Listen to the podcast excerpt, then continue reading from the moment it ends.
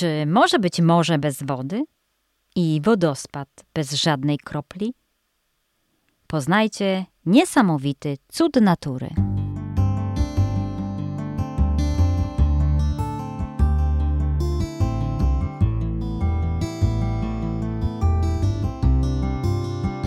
To jest podcast Klubu Polskiego.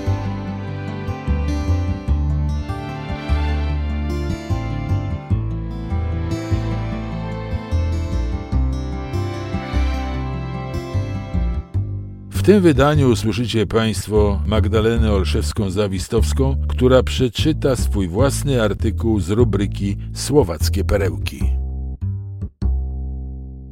A może nad kamienne morze?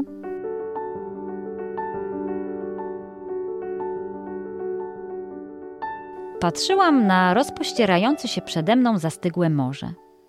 Chwilę później zobaczyłam wodospad, również bez kropli wody. Miałam wrażenie, że zły czarnoksiężnik zamienił wszystko w kamień.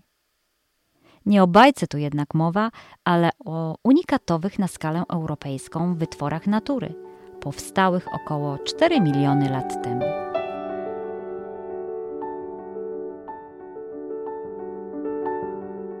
Naturalne grzebienie zastygłej lawy o 9-metrowej długości i 15-metrowej szerokości tworzą kamienny wodospad, który znajduje się na wschodnim zboczu wzgórza, tworząc bazaltowy nek o wymiarach 160 na 130 metrów. Składa się on z ciemnych, pięcio- i sześciobocznych bazaltowych, charakterystycznie wygiętych słupów.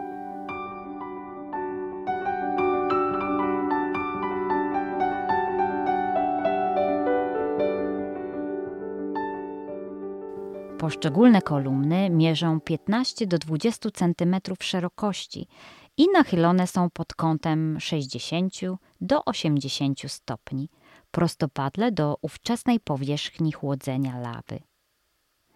Miliony lat temu przegrzanie skorupy ziemskiej w wielu miejscach spowodowało powstanie szczelin, wzdłuż których rozżarzona lawa wydostawała się na powierzchnię, a spływając z góry utworzyła po zaschnięciu wysokie pionowe kolumny. Cechą charakterystyczną tego typu wulkanizmu jest oddzielność słupowa bazaltu, powstała w wyniku kurczenia się zakrzepłej lawy w czasie jej oziębiania.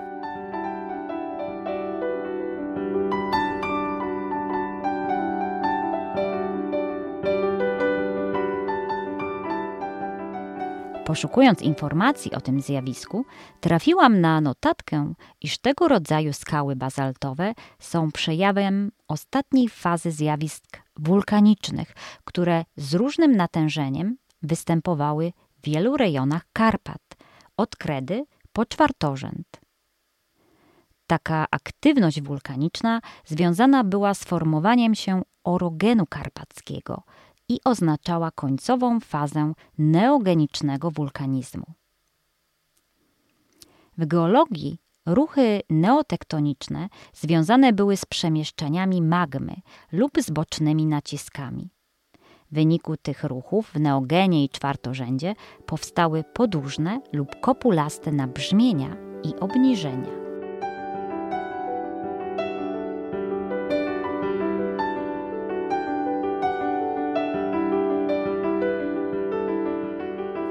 Nie mogłam oderwać oczu od tego cudu natury, wyrzeźbionego w kamieniu.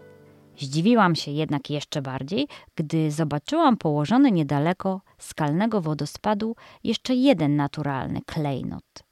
Niesamowite, kamienne morze. Przede mną na sporej płaszczyźnie, 100 na 40 metrów, w środku lasu, znajdowało się rumowisko kamieni, powstałych podczas procesu wietrzenia, w wyniku rozpadu formacji bazaltowych pochodzących z tych samych słupków ciemnego bazaltu, co skalny wodospad. Widok to niecodzienny. Wszędzie leżą miliony, a może miliardy tak samo wyglądających kamieni. Obie te wyjątkowe formacje skalne znajdują się w południowej Słowacji, około 12 kilometrów na południe od miasta Filakowo, w pobliżu granicy słowacko-węgierskiej na terenie Narodowego Rezerwatu Przyrody Szomoszka.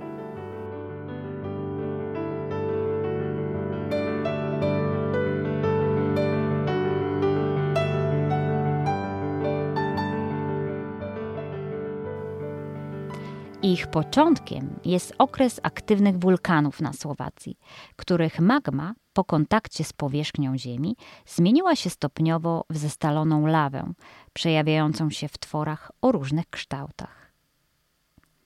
Obszar ten o unikatowym charakterze często nazywany jest krainą wygasłych wulkanów. Kamienne morze i wodospad odkryto przypadkowo w XIV wieku podczas wydobycia surowca do budowy pobliskiego gotyckiego zamku Szamoszka. Od 1954 roku te niezwykłe dzieła natury uznawane są za chronione pomniki przyrody i zdecydowanie jedne z najbardziej imponujących i wyjątkowych form geologicznych na Słowacji.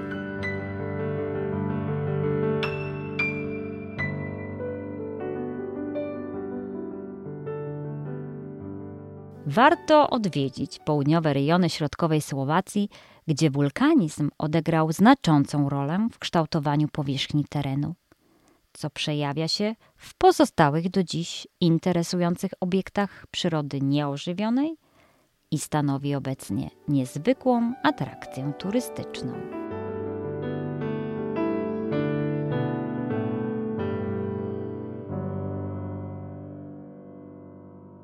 Artykuł ukazał się w monitorze polonijnym w numerze 10 w 2017 roku serii Słowackie Perełki autorstwa Magdaleny Zawistowskiej-Olszewskiej.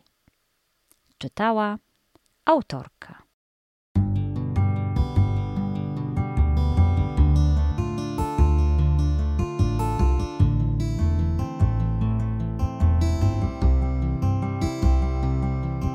Ten tekst możecie Państwo przeczytać na stronie internetowej www.polonia.sk.